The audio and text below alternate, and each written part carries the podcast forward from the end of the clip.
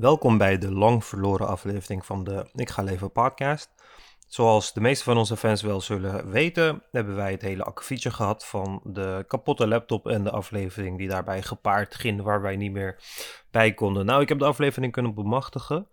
Alleen vanwege het grote tijdsverschil zullen een paar van de onderwerpen in deze podcast uh, niet meer relevant zijn. Alleen heeft er zich iets uh, afgespeeld in deze podcast, wat later een um, vrij nare wending heeft gekregen. Dus uh, ik zal dat uh, kort na het stuk even verder toelichten. En alvast veel plezier met luisteren.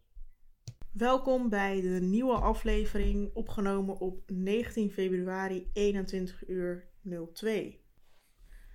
Yes, um, ik ga beginnen met de vraag: hoe zit het met die lampen? Ga jij ze aanschaffen? Want uh, het is ons niet gelukt. ja, maar wat heb jij je geld nu teruggekregen of niet? Ja, ik heb mijn geld teruggekregen. Het pakket is uh, kennelijk geretourneerd. Ja.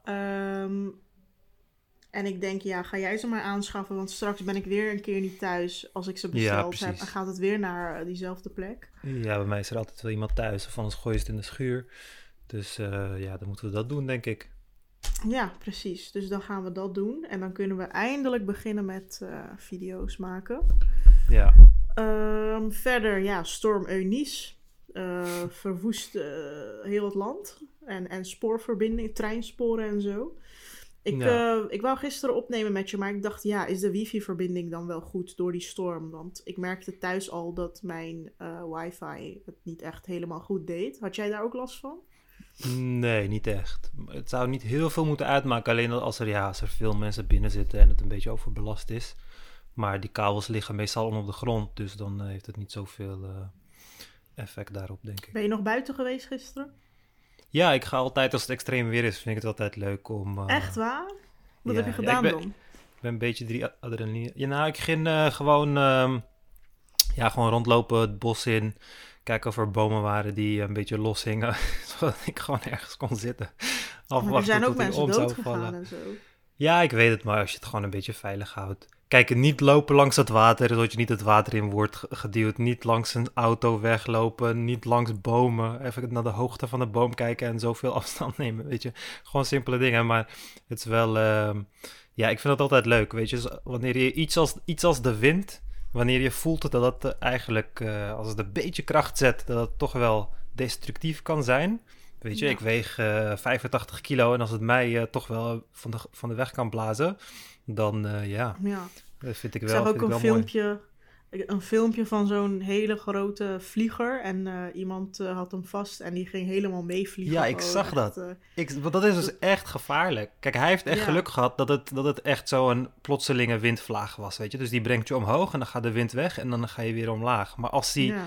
Als hij Als hij door had een- gegaan, Ja. ja, dan voor je het weet, dan zit je 50, 50, 60 meter in de lucht. En ja, wat ga je dan doen? Dat, dat, dat is echt niet slim. Maar eh, ga je dan, laat die wind dan op een gegeven moment los of zo? Ga je dan heel hard op je, op je smoel vallen? Ja, Of- want het is, geen, het is geen constante wind wat we hebben gehad. Het zijn echt ehm, bursts, zeg maar. Dus echt, ja, hoe noem je zoiets? Gewoon een, het zijn gewoon korte schokjes van de wind. Tenminste, dat was het in het, in het geval van de vlieger. Ja, dan, die duwt je dan gewoon omhoog. En dan ga je wel weer omlaag komen. Maar ja, die vlieger waar hij aan hing... Ja, dat gaat je val niet echt eh, zoveel verminderen. Dus eh, dan ga je wel echt vies terechtkomen. Maar die filmpjes zijn altijd echt zo prachtig. Met elke storm weer. Ik vraag me af hoe het, hoe het moet voelen als je gewoon... eh, heb je die van die fietser gezien? Dat er een golf zo'n dakplaat tegen Ja. hem a- aanvloog? Ja, weet je, als dat je overkomt... Dan denk je gewoon echt fucking kut dat het me is overkomen. Weet je, je voelt je altijd kut. En dan gaat zo'n filmpje viral. ja. van, van jij die op je bek gaat of zo. Die boom die bijna valt op die auto. Dat ze Ja, net ja. nog onderuit kunnen. ja. Jeetje, zelfs mijn hart bonkte in mijn keel. Van, oh mijn god. Weet je wel, het, Ja. zou maar, het is maar net goed gegaan. Ja, maar dat Maar is een van de redenen waarom ze... ehm, je hebt heel vaak in stadsdelen dat ze bepaalde bomen willen kappen. En dan gaan mensen altijd protesteren in de buurt. Van, oh, we niet dat deze boom gekapt wordt. Maar heel vaak zijn die redenen dus daarom. Dat die bomen zo gigantisch groot worden... dat ze bij extreem weer dan wel eh, neer kunnen vallen. En eh, ja, dan moeten ze in principe gewoon verwijderd worden. En dan moeten er jongere bomen eh, in de plaats. In onze buurt werd er juist werd juist tegen de gemeente gezegd: kunnen jullie ze niet kappen? Want die Turkse schotels werkten niet als die bomen te groot werden. dus altijd als uh, ja, die bomen te groot werden, gingen alle Turken klagen bij de gemeente: van kom ze, kom ze neerhalen. Ja. Maar weet je wat ik echt irritant vond? Die bladblazers. Dat is ook zo irritant. Ik, ik heb dat nooit hmm. begrepen, waarom dat bestaat. Ja, weet je wat ik echt, waar ik echt allergisch voor ben? Kijk, kijk bladeren. Uh, het is een soort van natuurlijk proces. Hè? Die bladeren vallen neer onder de boom en de wind verspreidt ze een beetje. En dan lossen ze op in de grond. En dan neemt de grond, die neemt dan weer die voedingsstoffen die in die bladeren zitten, nemen ze op. Waar ik echt niet tegen kan, is wanneer mensen dan bladeren gaan ruimen.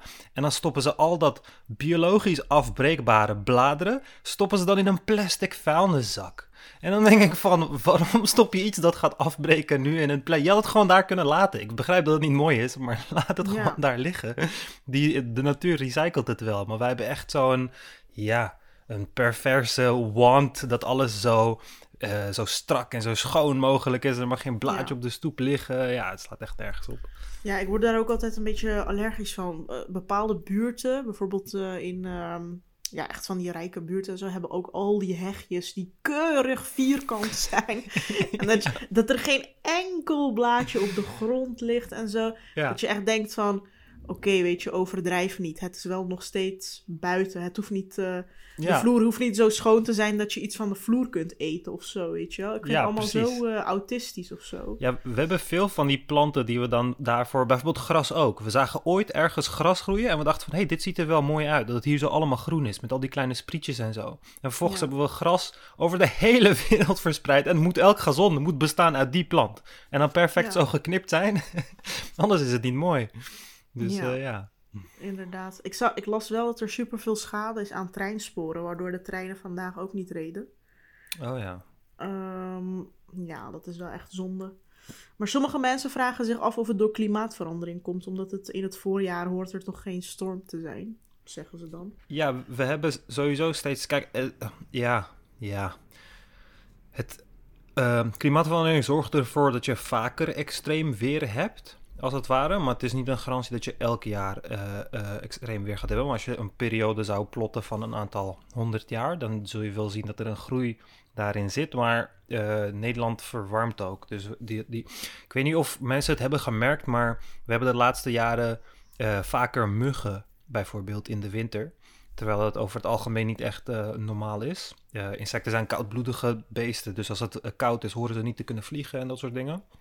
Maar het komt dus omdat we hele milde winters hebben steeds, waardoor uh, de natuur en ook het klimaat best wel uh, ja, uh, in, in de war raakt. we hebben al heel lang geen normaal sneeuw gehad. Deze winter was ook een super milde winter.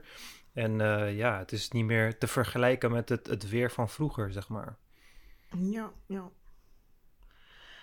Ja, verder wat, wat in het nieuws was, Lil Kleine wordt niet echt gecanceld door, door zijn achterban. Het is uh, best wel stil bij zijn achterban en bij zijn collega's en bij de influencers en zo. Uh, Zijn collega-rappers, Ronnie Flex, Boef, weet ik veel. De Selma Omaris en de Anna Nushins en zo. Niemand post echt iets over hem. Uh, hij is ook weer vrijgekomen uit de gevangenis. En ik vroeg me af, hoe komt het dat zeg maar, iedereen in deze tijd juist heel snel wordt gecanceld en iedereen uh, het wordt een beetje een, zeg maar, uh, dat, het, dat het als een olievlek zich verspreidt bij de influencers en zo. Dat je iemand uh, niet meer leuk vindt of zo. Als die grensoverschrijdend gedrag heeft vertoond. En bij hem geniet hij ineens heel veel goodwill of zo. Ja. Terwijl het een man is die zijn vrouw meerdere keren mishandelt en bedreigt. De moeder van zijn kind. En ik vroeg me af van, waarom zie ik bijvoorbeeld een Selma Omari, weet ik veel wat, een waarom posten ze niks over hem? Monica Geuze, ik zeg maar wat. Ja, ja goede vraag, goede vraag. Ik denk dat het misschien te maken heeft met het feit dat hij aan de top staat in zijn industrie. Dus dan... John de Mol ehm, staat ook aan de top. dus ja, maar John de Mol is niet gecanceld, weet je. Er is kritiek op hem geuit. Oké, okay, Maar niemand... Uh, ja, ja, maar Ali B staat ook niet aan de top. Kijk, Ali B qua muziek, qua hits en dat soort dingen... staat hij niet echt aan de top. Weet je? Of is het gewoon omdat mensen Lil Kleine gewoon leuk vinden en Ali B, misschien haatte iedereen maar al ik, Ali B ik weet niet of mensen Lil, Lil Kleine leuk vinden. Lil Kleine hij is gewoon pauperkabouter. Ik bedoel, hij is een van de meest gepeste rappers van, uh, van Nederland, toch? Ik bedoel, het is een uh, kort jongetje die letterlijk heel klein heet. dus ja, dus, uh, en pauperkabouter is een beetje het woord van uh, 2022. Dus ja, maar ik, ik, ik, weet het niet. Het zou kunnen misschien dat de mensen die hem kennen, het hele verhaal kennen of weet ik veel wat. Ik weet het niet. Ik weet niet wat de redenen zijn. Maar je ziet wel vaker dat wanneer mensen aan de echt super succesvol zijn in muziek. Chris Brown bijvoorbeeld. Die heeft ja, Rihanna ook helemaal de grond in getrapt. En uh, ja, maakt nog steeds liedjes. Weet je, dus als je heel erg goed bent in je vak, dan, uh, dan boeit het mensen minder of zo. Ja, die Younes Ouali, ken je hem? Het is een, uh, ja. Die best wel, ja, voor de mensen die hem niet kennen, het is best wel een hele conservatieve Marokkaanse opiniemaker, zelf benoemd. En die zei van ja, Leeuw Kleine mag zijn vrouw slaan, want uh, soms verdienen vrouwen het ook. En je vrouw is je bezit en zo. en, uh, en, hij zei van vrouwen vinden het juist leuk om af en toe uh, hardhandig aangepakt te worden. ja, ik lach erom, omdat het gewoon belachelijk is. Maar ik denk echt ja. what the fuck. En deze man is ook veroordeeld omdat hij seks had met een minder valide en geest. Ja, ja minderjarig. Minderjarig ook, toch? Ja, ja, ja. Die, ze was 15 en hij is, uh, wat is het, boven de 30. Ik vind dat uh, altijd een rare van. Uh, sommige vrouwen vinden het leuk om. Ja, sommige vrouwen vinden het leuk. Sommige vrouwen vinden het leuk om, om geslagen te worden tijdens de seks. Om gechoked te worden tijdens de seks en weet ik veel wat. Maar sommige mensen vinden het ook leuk om bijvoorbeeld uit vliegtuigen te springen. Met uh, parachutes en dat soort dingen. En sommige mensen vinden het leuk om uh, ja, allerlei hele gevaarlijke dingen te doen. Maar wel met de controle in, jij, uh, in, in jouw handen. En dat jij ervoor kiest. Het feit dat jij uit een vliegtuig springt met een parachute. wil niet zeggen dat iedereen jou uit een vliegtuig mag gooien. Omdat ja, je vindt het leuk. Weet je? Dus het is heel raar om te zeggen van ja, sommige vrouwen vinden het leuk. Ik heb vriendinnen gehad die het gewoon leuk vonden om wat ruige seks te hebben, zeg maar. Wat ruwe seks te hebben. En buiten de seks om was het niet van... Oh ja, sla me even maar random in mijn gezicht of zo. Sla me gewoon een blauw oog. Word ik geil van, weet je. Ik vind het zo'n dom argument. Echt een dom argument. Ja, ja. Nou ja, goed. Ik wil het verder eigenlijk niet over deze sukkel hebben. En uh, ik wil eigenlijk overgaan op uh, heel positief uh, nieuws. wij hebben een luisteraar en ja, we hebben het eigenlijk eerder over haar gehad. Ze had ons een bericht gestuurd van... Uh, luister, ik, uh, ik, word uitgehuwelijkt en ik heb het heel zwaar thuis... en ik heb niks te vertellen en mijn geld is afgepakt, et cetera. Um, en wij hadden, tenminste, ik had, uh, ik had contact met haar... en wij hebben haar eigenlijk ook moreel gesteund. Van ja, kies toch maar echt voor jezelf. Je zult er geen spijt van hebben en zo. Um, en toen heeft zij gezegd... ik... Um, Even kijken, wat is zij over. Uh, ik heb een vriendin in Zwitserland die me graag wil opvangen. En heb onderzocht dat mijn diploma daar ook geldig is. En dus, uh, dus kan ik daar perfect aan de slag. Ik heb deze stap kunnen nemen letterlijk door jouw verhaal. Ik zei: Als Lale het kan, kan ik het ook. Ik ga uiteindelijk ook leven, eindelijk. Um, nou, toen heb ik gezegd oprecht heel erg blij om dat te horen. Dat je er zoveel aan hebt gehad. Ik weet zeker dat je jaren later terugkijkt op je keuzes en leven en denkt: gelukkig heb ik hier voor mezelf gekozen.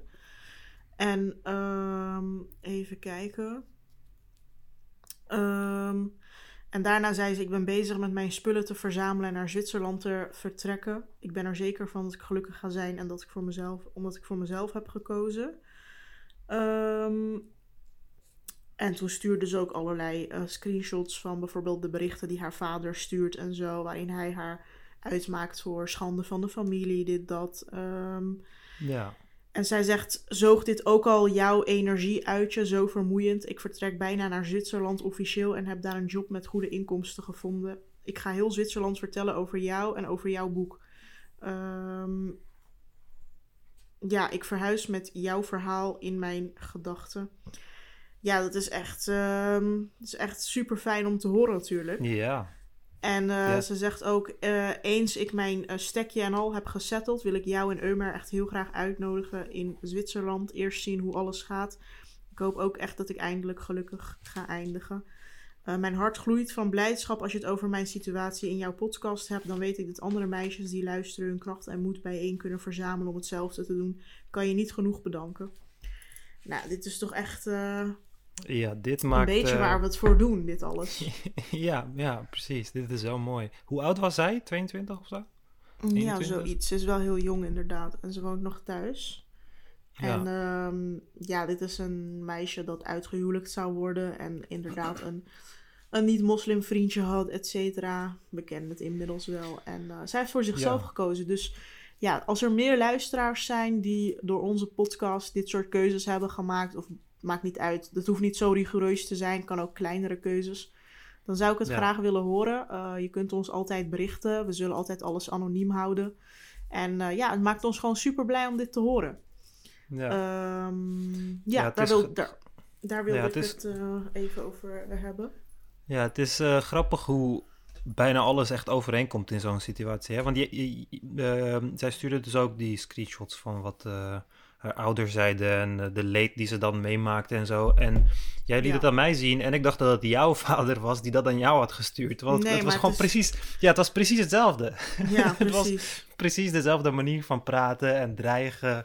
En uh, dat je gewoon denkt van, ja, ik kan hier helemaal geen uh, argumenten tegen bieden. Ja, als we het naar het dus... Nederlands vertalen, zegt die vader... Um, ja, al mijn dromen over jou, of wat ik uh, zeg maar voor jou in gedachten had als mijn dochter, uh, heb je in het water laten vallen. En ik wou jou als, um, ja, als pure en schone dame met een uh, witte jurk uit huis, hoe noem je dat? Uit huis sturen. En daar bedoelt hij mee van ik wilde je als, als maagd hè, het huwelijk insturen, ja. et cetera. maar dat heb jij verpest. En je liegt over alles. En um, ja, je hebt onze levens verpest. En um, ja, gewoon dat, dat soort dingen, weet je. Wat gewoon super pijnlijk is om als kind van je ouders te horen. Ja. En constant dat, dat schuldgevoel aanpraten van ja, je hebt dit gedaan en je hebt ons schande bezorgd. En je hebt. Uh, ook je gewoon, gewoon, Ook gewoon die droom die een vader dan heeft van als hij een dochter heeft, dan is die hele droom van ik wil een zo rein mogelijke dochter uithuwelijken. Ja. Uh, of gewoon een man ervoor vinden, dat ze dan uit het huis gaat. En dat is dan het doel dat je voor je dochter in oog hebt. Niet van, oh, ik wil dat ze gelukkig is en dit en dat. Maar gewoon dat ze zo rein mogelijk is en dat ze het huis zo verlaat. Ik denk van, ja, als, wat zie je dochter precies? Weet je? Ja, maar dit is dus die hele... Dit is die conservatieve Turkse cultuur. En meestal als ik het hier over heb met Nederlanders, dan snappen ze het niet echt. Omdat ze denken van, ja, wat boeit het? het? het? is toch de bedoeling dat je gelukkig wordt en zo. Heel veel Nederlanders zijn daar zo lang uit dat ze dat echt niet snappen. Maar ja, ja heel veel Turken denken natuurlijk zo. Het, leven draait om je kind rein aan iemand aanleveren, of tenminste je dochter. En uh, ervoor zorgen dat, uh, ja, dat zij gewoon maagd een huwelijk ingaat. Dat zij uh, gewoon heel burgerlijk met iemand trouwt die van dezelfde afkomst is, dezelfde geloof, familie die bekend is um, bij jouw familie. Uh, en het is, het is ook alsof de families met elkaar trouwen in plaats van die. Ja, zodat andere families kunnen zeggen van. Uh, oh, je hebt echt een goede dochter voortgebracht. Echt, kijk naar zijn dochter. Zo schoon, zo puur. Ja, maar het is ook heel belangrijk dat die schoonfamilies het heel goed met elkaar vinden. Omdat Turken heel vaak bij elkaar op bezoek gaan en zo. En als die schoonfamilie al een familie is waar jouw familie het niet mee kan vinden. Omdat ze bijvoorbeeld. Uh, omdat ene modern is en de ander conservatief en zo. Dan dan, dan gaat het al niet. Dus die families moeten ook nog bij elkaar passen. En dan pas kun je trouwen. En dan moet alles gewoon volgens het plan. Dus grote bruiloft, uh, maagd, blaas, geen scheiding, weet je wel, dat bestaat allemaal niet. Geen eh, vuile was buiten hangen. Alles moet. Voor de buitenwereld moet het zijn alsof je een perfecte huwelijk hebt. Geen problemen bespreken, geen depressies bespreken. Uh, Weet je wel. bijvoorbeeld als het uh, in bed niet uh, jou bevalt of zo, daar, daar, praat je gewoon niet over. Je niks te zeggen. Dat bestaat niet. Het, is gewoon, het, gaat allemaal goed. Uh, niemand vraagt je, hey, behaagt jouw man jou wel of zo, weet je wel. Als je af en toe een tik krijgt, dan is het corrigerende tik. Mannen kunnen soms agressief zijn. Dat zit in de man, maakt niet uit. Als hij af en toe vreemd gaat, ja, het is een man. Uh, hij kan soms zichzelf niet bedwingen. het is gewoon. Het zijn ook allemaal dingen die je niet bespreekt, want het is allemaal schande. En het is ook. Uh, bijvoorbeeld, stel jouw man doet iets fout, hè, dan ga je het niet echt met je vriendinnen bespreken, want dan gaan ze over jou roddelen of zo. Of dan Mhm. denken mensen van, oh, die heeft een eh, niet gelukkig huwelijk. Je, je gaat alleen maar op Instagram, ga je alleen maar baby showers posten en gelukkige etentjes. En Je gaat een Eh, gezamenlijk account hebben. ja, precies. Of een bos met rozen die je voor je verjaardag kreeg. En iedereen denkt, oh, wat een heerlijke man heeft zij. En eh, Ja. oh, wat een mooie kinderen en zo. En dat is jouw doel. Dat iedereen de hele dag denkt van, oh, wat een geweldig koppel. Terwijl Mm. achter de voordeur zit je misschien met eh, heel veel dingen te strijden in jezelf. En dat, Ja. dat zie ik een beetje als die Turkse cultuur waar ook ik vandaan kom. En ehm, ik heb dus de laatste tijd heel vaak gemiste oproepen uit Turkije. Want mijn familie uit Turkije wil mij eh, heel graag bellen. Vooral mijn oma die daar woont. Want die heb ik sinds mijn boek uit is en zo heb ik die allemaal niet gesproken. En ik durf gewoon niet terug te bellen of op te nemen. Omdat ja, mijn oma is dus heel oud. En zij is echt heel, heel, heel gelovig. Echt de meest gelovige van iedereen. Zij bidt Hmm. zelfs in de nacht, eh, weet je wel, ze vast eh, buiten de Ramadan ook. En voor haar is geloof zeg maar heel belangrijk. En zij hoort natuurlijk dat ik dat geloof een soort van aanval tussen aanhalingstekens of beledig en zo. En zij wil mij dan spreken, maar als ik de waarheid tegen haar zeg, dan krijgt zij gewoon acuut een hartaanval, denk ik. En ik Ja. wil dat zeg maar niet op mijn geweten hebben, want dan ben ik ook nog die. Ik ben al de zwarte schaap van de familie. En als ik dan ook nog de waarheid ga vertellen aan mijn oma, dan. En ze, er, er, er overkomt haar iets, dan gaan al die Turken over mij zeggen: van kijk, ze heeft haar eigen oma vermoord. Dus ja. ik neem gewoon niet op, maar dan bellen ze gewoon 16 keer per dag. En dan denk ik echt van: moet ik dat nummer blokkeren? Wat moet ik nou doen? Weet je wel? Mhm. Of moet ik, moet ik liegen? Dat is ook niet echt een optie. Wat ga ik nou zeggen? Ja, oma, ik heb echt wel respect voor het geloof of zo. Weet je, dat vind ik ook zo nep. Want Ja, dat heb ja. ik gewoon niet. Dus het is Ja, ik heb, heel eh, lastig. Ik heb precies hetzelfde. Toen ik in Turkije woonde, al mijn familie in Istanbul, die zien gewoon mijn stories op Instagram en Facebook. Die zien dat ik in Istanbul ben. En die sturen mij berichtjes van wanneer ga je langskomen en kom je nog langs. Op mijn wall, mijn oom zet allemaal berichten op mijn wall van ik mis je en dit en dat. En dan denk ik van, ja, ik wil jullie wel zien, maar wat moet ik zeggen? Of ik moet liegen tegen jullie en Ja. na, na tien jaar weer doen alsof ik moslim ben. Of ik moet jullie de waarheid vertellen en dan ja, is gewoon iedereen's hart gebroken als het ware. Dus ja. Ja. ik kies er gewoon voor om in hun ogen een klootzak te zijn. Want dat ben ik dan in hun ogen. Ik neem niet op en ik negeer telefoontjes en berichtjes. Ja, Ik verwijder berichtjes van mijn wal. Ja, dan zet ik mezelf in die zwarte schaappositie. Omdat ik gewoon beter weet. En dat Maar bij gewoon- sommige mensen jammer. kun je ook nooit de waarheid zeggen. Bijvoorbeeld mijn oma is gewoon zo'n geval. Zij gaat gewoon... Stel, ik zeg tegen haar... Ik heb een eh, Nederlandse vriend. Ik ben geen moslim. En eh, ik drink alcohol of zo. Ik zeg maar wat. Dan, dan ligt zij volgens mij dood of zo. eh, als Ja. ze dat hoort. En dan is Ja. zij gewoon... Dan, dan denkt zij dat ze acuut naar de hel gaat of zo. Omdat Ja. ik haar kleindochter ben. Ja, ik- het is heel achterlijk. Maar zo is het wel. Dus... Ik heb liever dat ik dan gewoon nooit meer naar Turkije ga en niet opneem en gewoon doe alsof ik niet besta of zo. Ja. Dus ja. Maar goed, het was een paar dagen geleden volle maan. En eh, ik kreeg van iedereen eh, op de story te zien: ja, ik kan vannacht niet slapen, want het is volle maan. Ik ben vandaag agressief, want het is volle maan. Ik ben vandaag depressief, want het is volle maan. Waarom Ja. verwijt iedereen die maan zoveel? Volgens mij is dat niet Ehm, echt een wetenschappelijke basis. Eh, Nee, de maan heeft een nul effect op, eh, op mensen whatsoever. Helemaal niks. Maakt helemaal niet uit wat, eh, waar je aan denkt van menstruatie tot meer moorden tijdens volle maan en weet ik het wat allemaal. Er, er is gewoon een volle maan. Er is gewoon een, een fel licht in de lucht dat er normaal niet is en dat Mhm. valt op. Dus jij let heel veel meer op de dingen die er op die dag gebeuren en dan maak je automatisch een, een, een connectie. Maar als je niet zou weten wanneer de volle maan is, dan zou je die connectie ook niet maken en dan zou je het ook niet merken, weet je. Eh, ik, heb, ik heb zoveel dagen dat ik niet kan slapen, Ja. weet je. En sommige van die dagen zouden overeen kunnen komen met de volle maan. En sommige zouden overeen kunnen komen met mijn buurman die, met mijn buurman die toevallig eh, heeft... eh, heeft ge- geniest of zo, weet je. Alles kan, een, kan, kan je een effect aan attributeren. Dus ja. ja, maar nee, er is helemaal geen connectie te vinden tussen... eh, lichten in de lucht, een weerkaatst licht in de lucht gaat geen effect hebben op jouw lichaam. En het feit dat de maan vol is of zo, zorgt er niet voor dat er een of andere bepaald soort straling bestaat of zo. En dat dat een invloed heeft op de mens, weet je. De wetten van de natuur zijn gewoon de wetten van de natuur. En een, een licht in de lucht gaat niet uh, je gedrag uh, beïnvloeden op die manier. Oké, mensen, stop alsjeblieft uh, die maan zoveel te verwijten als het weer volle maan is. Want het is allemaal onzin, zoals jullie horen. Geen wetenschappelijke basis voor. Goed, hebben we dat ook weer uit de wereld geholpen.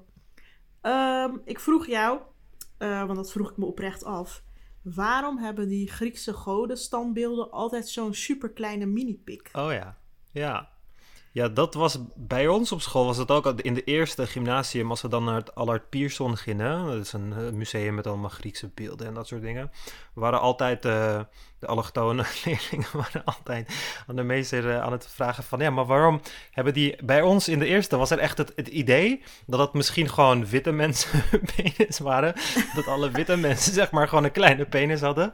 Zaten wij daar als allochtonen van... ja, maar ik ben 12 en mijn penis is al groter dan dat. Weet je? Dus, maar volgens uh, mij maar ja, is het juist uh, omgekeerd, toch? Volgens mij hebben Nederlanders een van de grootste penissen. Ik heb zo'n wereldkaart gezien op 9gag.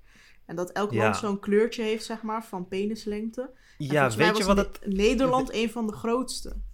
Ja, ja, het zou kunnen hoor. Maar het probleem is, er is, er is... Kijk, er zijn heel veel onderzoeken naar penislengte. Maar het is... Um, ja, het is moeilijk, omdat de echte manier om, om daarachter te komen is dat je dus uit elk land uh, een paar honderd of een paar duizend mensen zelf zou moeten meten op exact dezelfde methode. Want er zijn en meerdere manieren van meten. Kijk, je lul gaat mhm. gewoon door in je lichaam. Je kan hem ook langs je balzak leggen en dan een beetje naar binnen duwen, dit, dit liniaal, en dan heb je twee centimeter erbij.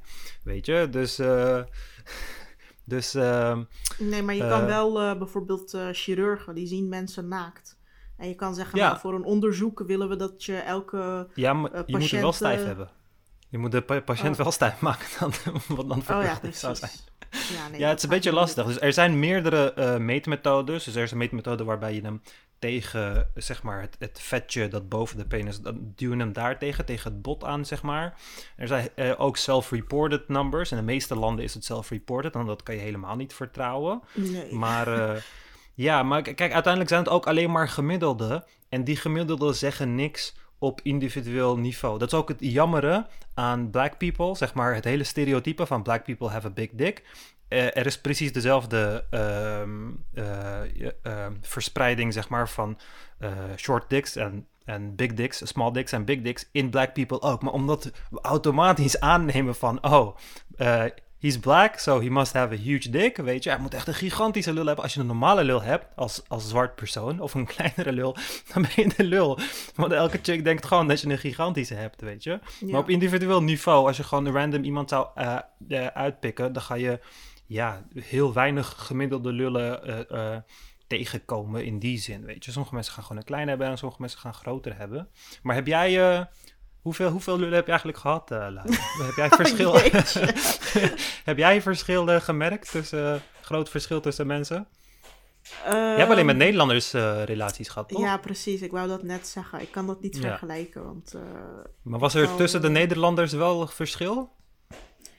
Nee, niet, niet heel veel. Nou, nee. nou oké, dan heb je... Dan heb je ja. ja, ik weet niet wat niet heel veel is...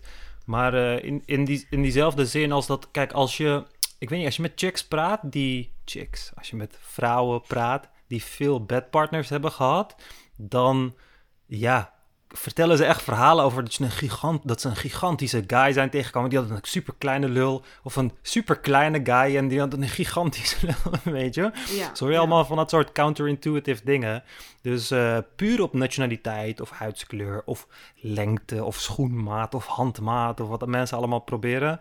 Is uh, ja maar zeg dat niks, want je lichaam is toch best wel in verhouding vaak. Ja, je, zou een, je zou een uh, educatieve uh, guess, een ed ed educated uh, guess kunnen doen. Een educatieve guess, wat de fuck is dat nou weer? een educatieve gok. dus je zou een gok kunnen doen af, aan de hand van die dingen. Maar ja, alles is nog mogelijk. Weet je, en um, ook dingen als bijvoorbeeld micropenissen. Dat is, uh, ik weet niet hoeveel procent van de mensheid, volgens mij 3, 4 procent van de mannen heeft uh, een micropenis. Dus ja, als je 100 mannen kent de meeste mensen kennen wel 100 mannen. Ja, vier daarvan hadden een micropenis. En dat weet je dan ook niet. Het zou ook een gigantische guy kunnen zijn die dan een micropenis heeft. Ja. Dus, uh, maar dat is meer een ja. afwijking. Over het algemeen geldt Ja. wel dat je in verhouding bent, toch? Ja, ik, ik weet niet hoe, in hoeverre... Ja, kijk, voor de meeste mensen wel. Kijk, ja, nu ga ik mezelf echt... Nu lijkt het, ja...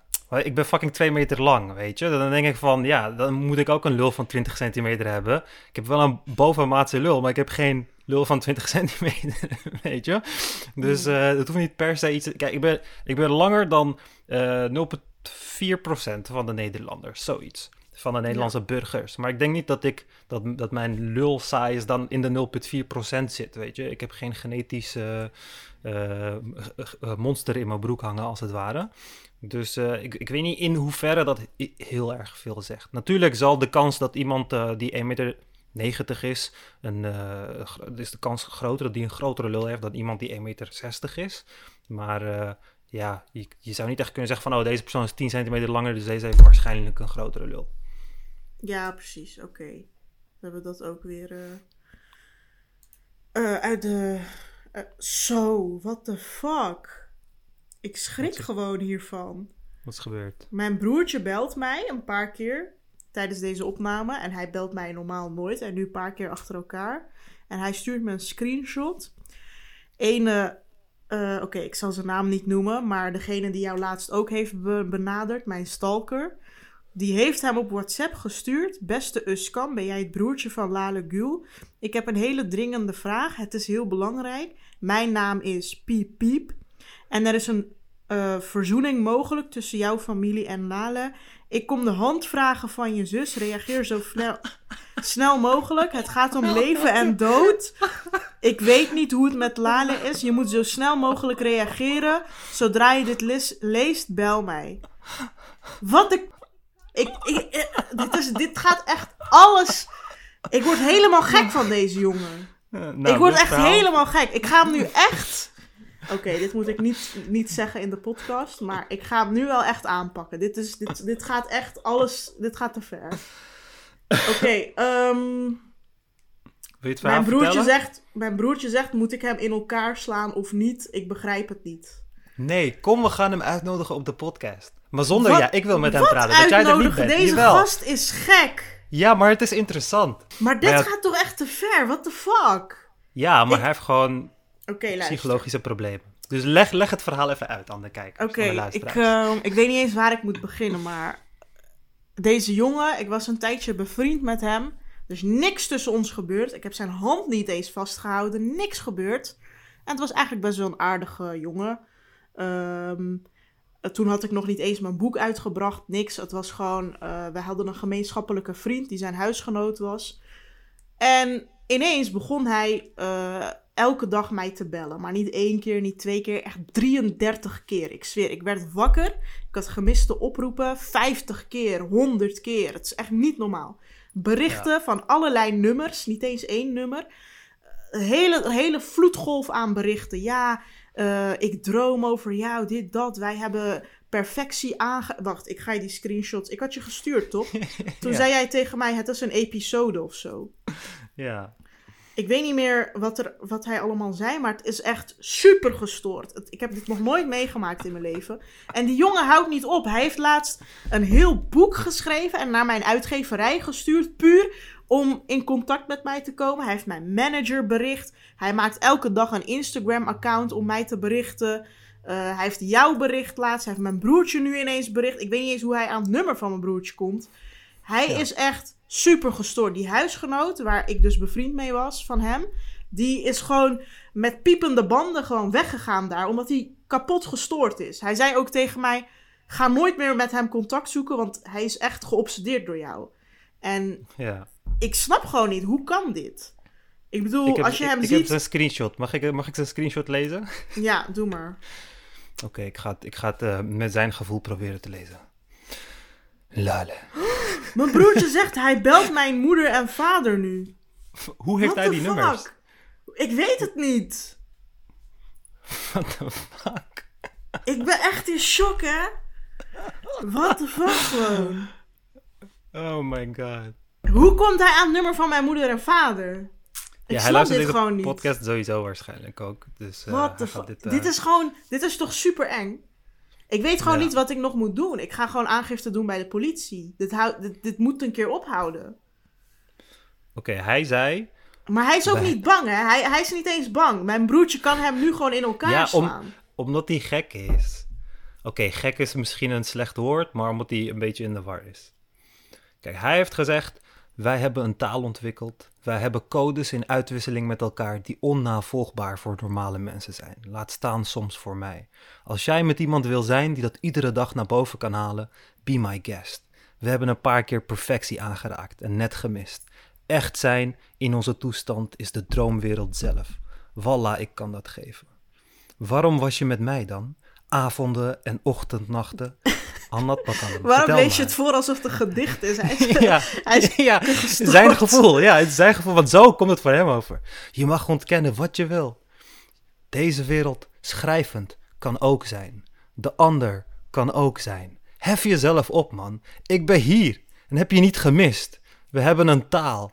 Echt, zet ons in een fysieke ruimte. Je komt in associaties, rijkheid om elkaar woorden te geven. Jij houdt van perfectie, maar je had ook een doel opgelegd aan mij. Eh, en je kan ontkennen, ik zal niet minder van je houden. Ieder woord in het manuscript is voor jou. En sinds dat ik je ken, heb ik alleen maar gewerkt. En precies vandaag is het af. Dank. Ik vind het bijzonder. En de dingen, misschien in mijn mind, in, in my mind, ladikoek zijn, waren prachtig. Eh, wat zegt hij allemaal? Je hoeft mij, de andere realiteit die je haat, niet aan mij op te dringen, lieve Lale. Ik zat al in die andere. De details heb ik gemist. We waren baas over tijd. Of zijn jij was er. What the fuck? En als je dit allemaal ontkent, I don't know, ben Nidium. En dan zeg je van, ik heb geen idee waar je het over hebt en ik wil het ook niet weten. Ga even afstand van mij nemen, alsjeblieft. En toen zei hij, tijdcodes. Vraagteken. En daaronder WhatsApp. Vraagteken. Tijdcodes. WhatsApp. Ja, dit is gewoon iemand die in de war is. Maar eh, ja, er was toch ook iets met dat hij sommetjes, iets met sommetjes of zo? Wat was dat nou? Ja, hij zegt, eh, mijn huisgenoten hebben mij opgesloten met sommetjes en ik moet naar de psychiater. En weet ik veel iets. Dat is wel waar. Ze hebben hem gedwongen om naar de psychiater te gaan. Omdat Ja, maar wat ze- zijn die sommetjes? Er waren geen sommetjes. Zijn mijn huisgenoot huisgenoot- zei ook tegen mij, ik heb geen sommetjes gegeven. Zeg, mijn huisgenoten hebben me met de opgeschreven sommetjes naar de psychiater gestuurd. Omdat ik al dagenlang als een holbewoner in mijn kamer zit. Niemand gelooft me, mijn telefoon is afgepakt. Ik ben ten einde raad. Red mij alsjeblieft, gooi een touw naar boven. Het lukt via... Ik smeek het je, het lukt via de echte wereld. Het spijt me. Ja, kijk, het feit dat hij praat over sommetjes en codes en de echte wereld. Het komt voor mij gewoon heel erg. Ik ben geen psycholoog opnieuw, maar ik heb wel heel veel episodes meegemaakt met mensen die dan, die dan in een psychose zitten. En ja, heel vaak zijn het dat soort dingen, weet je. Zien ze associaties tussen eh, cijfertjes, codes. In dat ook, zegt hij tijdcode WhatsApp, weet je. Dan gaat hij verbindingen zien in de tijdstippen wanneer berichten zijn gestuurd in, in WhatsApp. Alsof er daarmee gecommuniceerd wordt, weet je. Dus je gaat begrip zoeken in dingen die geen begrip hebben, die geen meaning hebben. Dus eh, ja, dat kwam, eh, dat, dat was het eerste wat in mij, in mij opkwam. Weet je, kijk, hij zegt, hij heeft dagen, nachten, ochtenden hebben jullie samen doorgebracht. Maar als dat niet is gebeurd en hij zegt dat, ja, dan is het allemaal in zijn hoofd gebeurd. Weet je, dus ehm, ja, hij heeft hulp nodig. Maar eh, het probleem met, de, met dit soort dingen is dat als de persoon geen gevaar voor zichzelf is en geen hulp wilt, dan kan niemand hem ook hulp opdringen.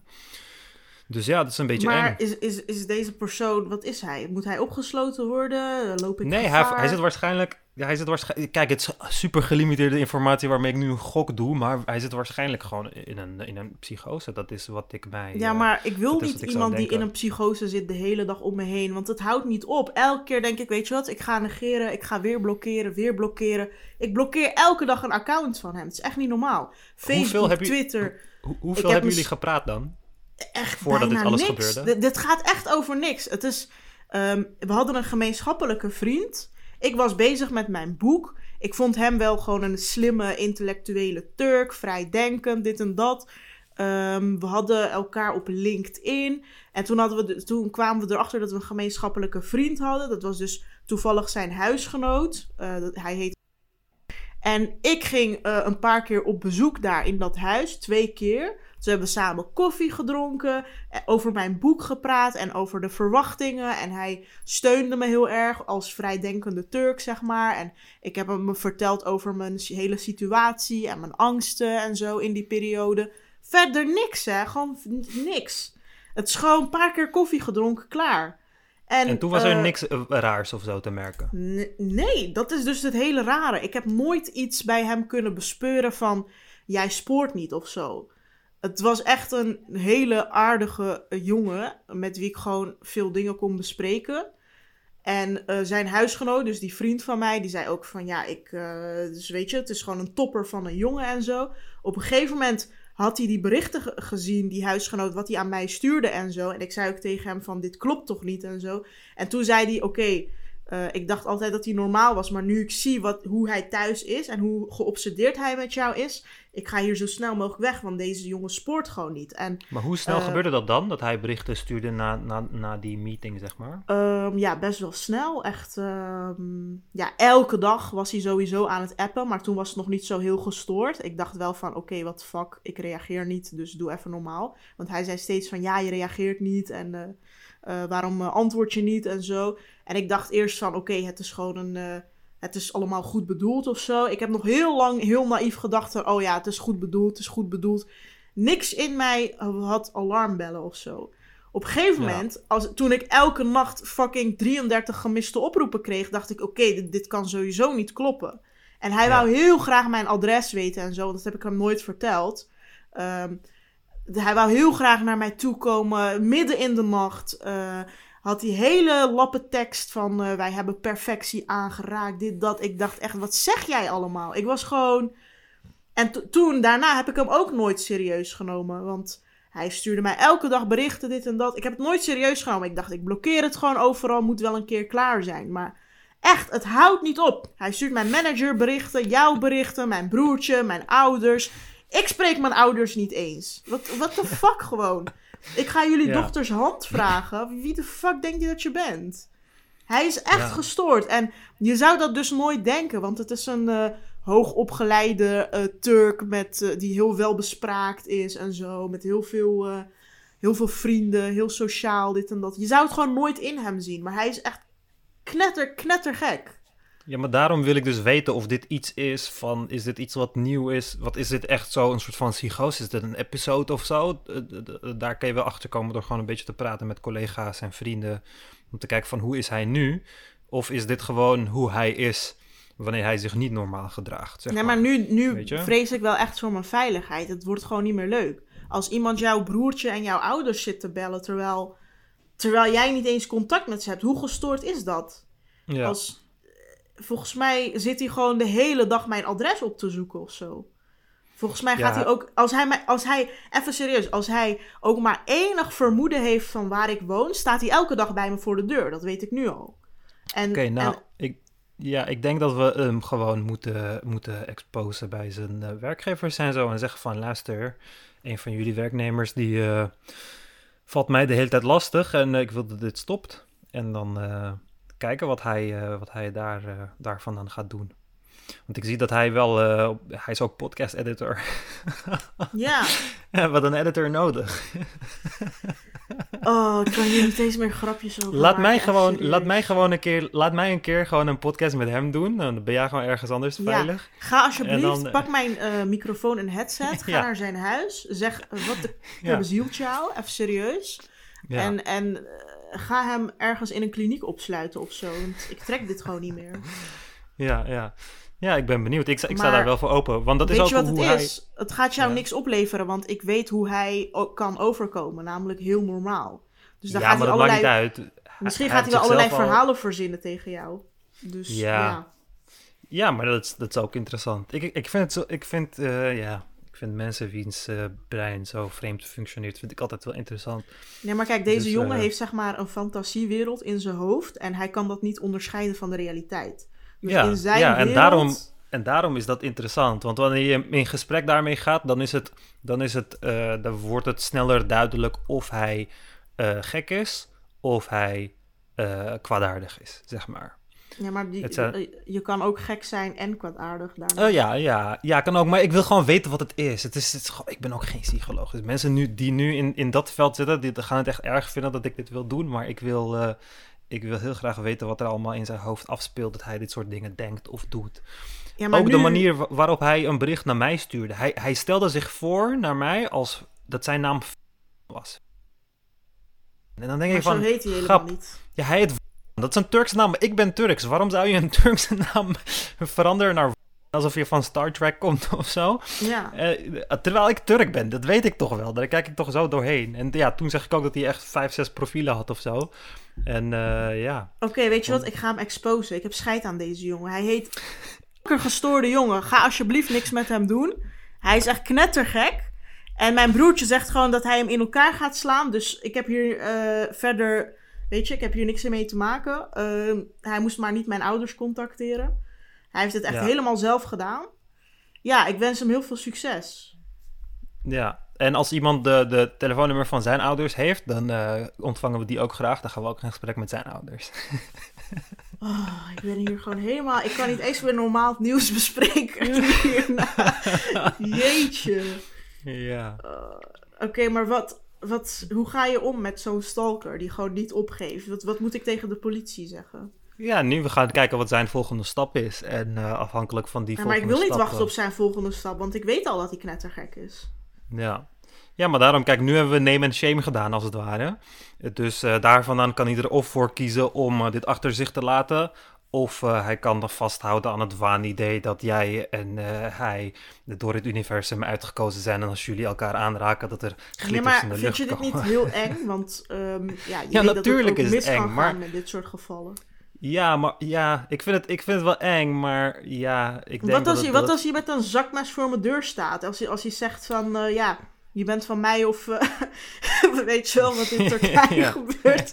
Je bent van mij of je bent van de, van de zwarte aarde, van de koude grond. Ik weet niet of hij uh, gewelddadig. Ik denk, ik denk, ja, gewelddadigheid. Nou, ik, ik, ik, geloof het op dit moment, geloof ik alles. Want deze jongen is echt knettergek. Dit doe je gewoon niet. Ja, maar daarom, daarom wil ik. Want nu weet ik nog niks, weet je. Nu is het echt, ga ik een beetje af, af van geïlimiteerde data. Maar daarom uh, zou ik wel openstaan uh, voor, een, voor een leuk gesprek met hem. En dat is gewoon, dat is gewoon leuk. Ja, hoe leuk is het als we gewoon een podcastaflevering kunnen doen met een van jouw stalkers? Dat is gewoon, dat is gewoon goud. Weet je, het is gewoon super interessant. Even getting in the mind of a stalker, zeg maar. Dus uh, ja, het zou wel leuk zijn. Jij bekijkt dus, het uh, educatief.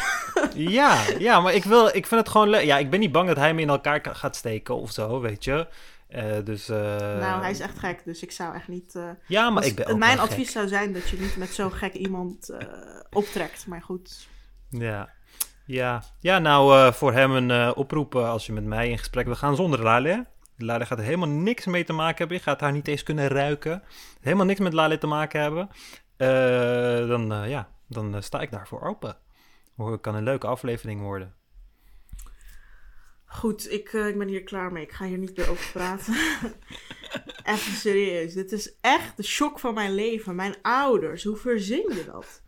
Hoe komt hij aan die nummers? Wat voor enge situatie maar eerlijk, is dit? jouw vader dacht eerst van... ja, en mijn dochter heeft nu boek geschreven... en ze gaat nu geen goede Turkse man meer kunnen vinden. Niemand gaat haar hand vragen. En nu is er gewoon een Turkse jongen die om je hand vraagt. Dus misschien is het goed voor Yay! Champagne poepen. ja. Jezus, wat een gestoorde gek, joh. En uh, ja, mijn vriend die hier zit uh, te, te schuimbekken omdat hij denkt van ja, ik ga, ik ga hem helemaal aanpakken. Even serieus. Ik, ik ga niet eens meer mensen tegenhouden. Ik ben, ik ben er helemaal klaar mee. Is, maar daarom, dat werkt dus ook niet. Dat, dat hele agressieve, dat werkt ook niet. Ja, maar soms uh, is dat de enige oplossing. Ja, kijk, mijn, mijn zusje had een keer een, een soort van stalker ook. Dat was een huisgenoot van haar, die echt allemaal rare opmerkingen maakte van... oh, ik ga je verkrachten en dit en dat. Als je, uh, zo uh, als je nog zo'n broekje gaat dragen, dan ga ik je volgende keer echt verkrachten. Dat soort dingen. En die vertelde dat mij en ik werd zo boos. En ik ben toen uh, naar Den Haag gegaan met een paar vrienden. En ik heb die jongen helemaal echt alle hoeken van de kamer laten zien. En terwijl deze jongen, het was echt grappig, want er lag een wetboek op tafel, omdat een van die studenten rechten studeerde en ik sloeg hem met die wetboek in zijn gezicht. dat was wel echt erg. Maar het kwam wel napraten en nadat hij duidelijk maakte dat hij echt helemaal geen respect had voor vrouwen. Nog steeds slecht, maar ja, ik ben ook maar een mens. En terwijl hij klappen kreeg, het was niet tot bloedens aan toe hoor, maar terwijl hij klappen kreeg, was hij gewoon de hele tijd aan het lachen. Het was zo eng, hij was de hele tijd alleen maar aan het lachen. Gewoon alleen maar aan het lachen. Kreeg hij klappen, ging hij luid lachen zo. Echt luidkeels lachen. En ik vond het zo eng. En ik dacht van oké, dit is iemand die het niet gaat leren. Ook al zou hij zijn armen afhakken, zou die het niet leren. Want het is gewoon een psychologisch probleem. En toen uh, ja, heb ik ook mijn zusje gezegd dat ze zo snel mogelijk daar uh, weg moet. Dus uh, ja, toen is het daarvan verlost. Maar ja, dat is dus het probleem. Met gekke mensen, het maakt niet uit hoe hard je ze slaat of whatever, of opsluit. Ja, maar weet je wat vasthouden. Is? Deze jongen is heel goed met computers, een beetje zoals jij. Hij kan echt dingen hacken en zo. En hij heeft nu eh, blijkbaar ineens de telefoonnummers van mijn hele familie. Dus dan is het ook niet zo moeilijk om op een gegeven moment uh, mijn adres te achterhalen, denk ik. Ja, ja misschien dat, dat gaat dan wel lukken. Ja, het kan zijn dat je ouders in het telefoonboek staan. Ja, nou ja, dat, dat denk ik dus niet. Um, maar ja, als iemand zo goed is met dingen hacken en zo, ja, dat, uh, ik denk dat ik echt zo snel mogelijk actie moet ondernemen. Want dit is gewoon echt, uh, dit, dit gaat alle perken te buiten, klaar. En dit gaat al maanden, zo, inmiddels een jaar hè. Ik ken hem nog voor mijn boek. Mijn boek is nu inmiddels een jaar uit. Het gaat maar door, het houdt niet op. Elke keer denk ik, oké, ik... Uh, weet je, nu is het een beetje klaar of zo. Dan komt hij weer met 80.000 accounts mij berichten. Het is echt niet normaal dat, dat iemand zoveel energie en moeite ergens instopt. Dat, dat, dat kan niet gezond zijn. Ja, ja, daarom. Ik denk na deze name and shame campagne, wat hij hierna gaat doen, even, dat gaat... Uh... Deze jongen heeft nooit schrijfambities gehad. Is geen schrijver. Hij heeft een heel boek geschreven. Puur om in contact te komen met mij. Gewoon puur om het in te leveren bij mijn uitgeverij. Dan ben je heb jij, dat boek, uh, kunnen, heb jij dat boek kunnen inzien? Nee, natuurlijk niet. Ik ga er geen letter van lezen, want het boeit me niet, want het is een gestoorde gek. Maar, kan je aan dat boek uh, komen voor mij? Ik ben wel benieuwd. Ik zou het wel willen... Misschien ja, dat er kan er vast aan komen. Maar mijn uitgeverij, die, mijn redacteur, berichtte mij gelijk van... Hé, hey, dit is toch jouw stalker? Ik zeg, ja, uh, verdomme, what the fuck? en toen zei ze van, ja, hij heeft een boek ingeleverd. Maar ja, zij wist al dat hij mijn stalker was. Dus ze heeft er waarschijnlijk niet eens naar gekeken. Nou, ik ben echt benieuwd. Ja, ik, uh, ik zal het eens vragen. oh, dit is echt erg. Ja, het is echt uh, super gestoord. Ik, uh, ik ben hier gewoon echt een beetje klaar mee. Ik ga zo snel mogelijk gewoon de politie inschakelen, want dit trek ik gewoon niet meer. Ja, kijk, hij heeft geen bedreigingen gedaan en dat is het probleem. En dan kan de politie ook helemaal geen reet doen. Hij valt je alleen lastig en ja, dat... Uh, ja, maar stalkgedrag is ook, is ook heel erg hoor. Ja, en jij bent La Ligule, dus jij hebt ook wel, uh, weet je, dan is het... Uh... maar daarom, als hij doorgaat, dan maken we er gewoon een heel nieuwsitem van, hè? hè? Ja. Wil je, wil je bekend worden? Weet je, we kunnen er ook een heel nieuwsitem van maken. Kan ook. Ik denk dat als ik dit nu app tegen zijn, uh, aan zijn ex-huisgenoot, weet je wel, die nog steeds mijn vriend is... Ik denk dat die echt perplex gaat staan. Gewoon dat hij, eh, hij verbaast zich gewoon elke keer weer over de nieuwe hoogtepunten, zeg maar, die hij bereikt. Ja, ja. Het is echt niet normaal, maar goed. Uh, Intens. Ik, uh, ik ga maar verder. Uh, ja, ook al is dat heel moeilijk na deze explosie. Um, even kijken, waar, waar zou ik het over hebben? Nou, daar ben ik weer. Ja, gek gek verhaal. Hè? En uh, wij vonden het wel, uh, zeg maar, een leuk stukje als het ware, want het gebeurde een beetje live. Maar uh, ja, dit uh, heeft ehm, ja, ongeveer een maand later, anderhalve maand later, een vrij nare wending gekregen. Omdat Lale het nieuws kreeg dat deze jongen voor de trein is gesprongen. Dus hij heeft een einde aan zijn leven gemaakt. En uh, ja, het was wel heel erg heftig voor ons. Vooral uh, nadat ik dit stukje opnieuw beluisterde, uh, merkte ik toch dat ik er niet heel erg uh, ja, respectvol of zo mee omging. Ik uh, verwijt het ons niet heel erg, want het was gewoon een hele menselijke manier. Maar ik denk dat het wel laat zien dat ehm, de menselijke reactie hè, van gek en uit de buurt blijven, wegblijven, dit en dat. Terwijl dat soort mensen wel eigenlijk vrij dringend uh, psychologische hulp nodig hebben. Ik denk dat dat wel laat zien dat het iets is waar wij uh, ja, aan uh, kunnen werken. En aan de andere kant ben ik ook echt ontzettend blij dat mijn um, laptop het heeft begeven en wij deze aflevering niet hebben kunnen uitgeven. Maar ja, ik, ik, ik weet niet. Ik weet echt niet wat ik zou doen als wij deze aflevering hadden uitgebracht. waarin wij hem helemaal nemen en shamen. En dat hij vervolgens uh, voor de tuin uh, springt. Ik denk uh, dat het een vrij grote last zou zijn voor ons beiden om daarmee te leven. Dus ergens ben ik heel erg blij dat dit is gebeurd en dat wij de aflevering um, ja, konden herzien als het ware. En um, ja, ik weet verder niet zo goed wat ik hierover moet zeggen, maar heel veel plezier met de rest van de podcast, I guess. Um, ja, ik, ik wou je zeggen, heb je die Joe Rogan Oh nee, podcast? we, hadden het, we hadden het nog over de lullen van uh, de Griekse standbeelden. Daar hadden oh, ja. we helemaal niet af Ja, waarom nou, zijn dat, die klein? Nou, dat komt omdat vroeger in de tijden van de Grieken... dan stond uh, een grote penis stond uh, symbool voor barbaars zijn, als het ware. En geen zelf, zelfbeschikking of zelf zelfcontrole hebben, als het ware. Dat je alleen maar je lusten achterna gaat. En een kleine penis beelde dan uit, in, in beeldhouwwerk, beelde dat het karakter van de persoon uit. Van deze persoon is helemaal niet barbaars, maar heel, uh, ja, hoe heet zoiets? Heel braaf. En dat is een goede vader. En die, uh, die neukt er niet op los, als het ware. En, uh, dus dat werd dan daarvoor gebruikt. Dus een kleine ja. penis stond gelijk aan beschaafd. Ja, ja, ja, precies. Dat je niet je lusten achterna, achterna ging. Oké, okay. ja, hier wat geleerd. Ja. Um, ik wilde nog een donatieoproep doen. Dat hebben we ook al een tijdje niet gedaan. Um, ja, voor de mensen die ons willen steunen. Voor alle mensen die mij de hele tijd berichten. hey, waar blijft de nieuwe aflevering? hey, ik kan wel uren naar jullie luisteren. Uh, word donateur alsjeblieft. Want dan uh, kunnen wij een, ja, een groep backers, heet dat, opbouwen. Die ons uh, maandelijks ja, steunt, zodat wij uh, ja, meer dit kunnen gaan doen in plaats van ander werk. En hier eventueel een deel van ons inkomen uit kunnen halen. Om te doneren moet je gaan naar ikgaleven.backme.org. Backme met CK. Nogmaals, ikgaleven.backme.org. Dankjewel. Ja, het gaat echt slecht met de donaties. De laatste weken hebben er, de laatste twee weken hebben drie mensen gedoneerd of zo. Ja, dat is echt precies. Jammer. Dus dat, uh, dat moet echt opgekrikt worden, anders... Uh, ja, op de lange termijn kan deze podcast dan niet uh, blijven bestaan. Dus uh, help ons alsjeblieft. En tenminste, als je het allemaal leuk vond, vindt en als je het allemaal wil steunen, dan uh, moet je dat vooral doen. Ja. Um, ja, ik wilde het hebben over Joe Rogan podcast met Jordan Peterson. Daarin heeft hij allerlei uitspraken gedaan over klimaatverandering en bla bla. En daar was best wel veel ophef over. Dat het hmm. allemaal ja, misinformatie is. En als ja. er nou iemand tegen misinformatie is, dan ben jij het wel. Heb je die podcast oh. geluisterd? Um, ja. ja, zijn hele argument was eigenlijk dat klimaat zo complex is dat uh, en ze er maar naar enkele kenmerken. Eigenlijk het argument dat ik ook eerder heb gebruikt voor andere zaken, dat ze maar naar een aantal kenmerken kijken. En dat uh, je van zo'n gelimiteerde set onmogelijk een conclusie, een lange termijn conclusie kan trekken over waar het klimaat naartoe gaat.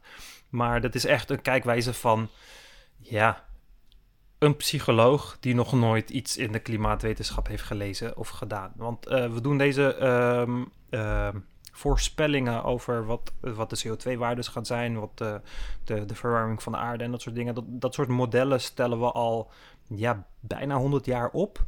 En we kunnen heel makkelijk gewoon naar het verleden gaan en kijken naar uh, uh, voorspellingen die we dus met die gelimiteerde aantal kenmerken hebben gemaakt of die overeenkomen. En over het algemeen komen die overeen. En het is ook niet dat een model uh, zegt van, oh, over 20 jaar, ja, zo'n grafiek, ja, ik zie, hadden we nu maar beeld. Zo'n grafiek, dan gaat die lijn gaat dan door naar de toekomst. En dan heb je een middenlijn en dan heb je een, een doorgestreepte lijn daarboven en daaronder. En dat zijn dan projecties. En dan kan het ergens daarin liggen. En afhankelijk van, dan uh, uh, komt het hoger uit als je, als je bijvoorbeeld minder maatregelen neemt te tegen klimaatverandering in de komende 20, 30 jaar. En dan komt het lager als je meer maatregelen neemt. Dus die dingen hebben wij. Maar zijn argument is dan van, als je het weer niet eens precies kan voorspellen, hoe wil je dan voorspellen wat er in de toekomst gaat gebeuren met het klimaat? En hij begrijpt het verschil tussen weer en klimaat begrijpt hij niet.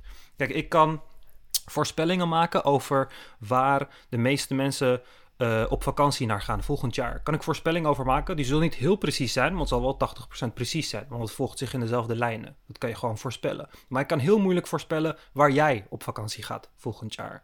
En dat is het verschil tussen weer en klimaat. Het is heel moeilijk om een, een microklimaat, dus het weer in Nederland, op de lange termijn te herkennen. Want het is een, klein, een kleine slice van een vrij chaotisch complex systeem dan, dan het, het voorspellen van het gehele systeem. Wat een stuk makkelijker is, zeg maar. En daar gaat hij een beetje de fout in. Maar dit is gewoon standaard. Kijk, zodra je uh, een beetje aandacht krijgt van de rechtshoek, dan moet je ook gelijk alle rechtse talking points moet je overnemen. Dat is zo jammer. Als je rechts bent, moet je tegen klimaatverandering zijn. Of je moet hier tegen en daar tegen zijn. Dan denk je van, ja, maar je denkt niet echt voor jezelf na. Weet je, terwijl de meeste moderne rechtse partijen wel hebben ingezien al een aantal jaar terug dat klimaatverandering gewoon echt is.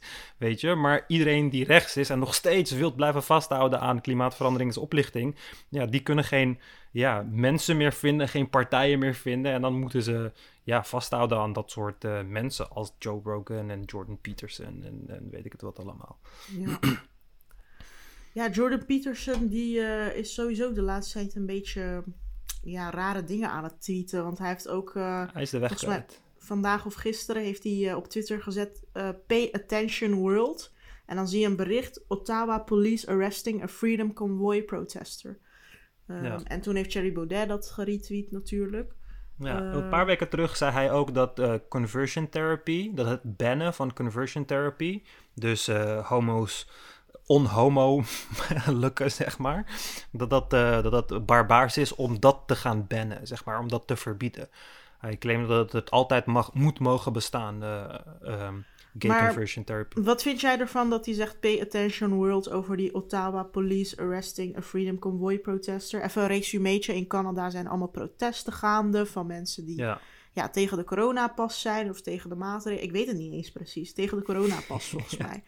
En ja. Um, ja, die, die politie daar gaat helemaal tekeer uh, tegen die mensen blijkbaar. Blijkt uit die filmpjes. Uh, en uh, ook Trudeau, die heeft het steeds over... ja, het zijn allemaal nazi's, het zijn allemaal rechtse mensen... het zijn allemaal gekkies en zo. En als je die mensen interviewt, dan blijkt dat nogal genuanceerd te liggen. Want het zijn ook heel veel bijvoorbeeld allochtonen. Dus dan kun je al niet zeggen, ja. het zijn nazi's. En het zijn ook... Ja weet je, het zijn ook best wel vredelievende mensen. En mensen die zeggen, ja, we hebben gewoon kritiek en het is een democratie. En we snappen niet waarom wij zo hardhandig aangevallen worden.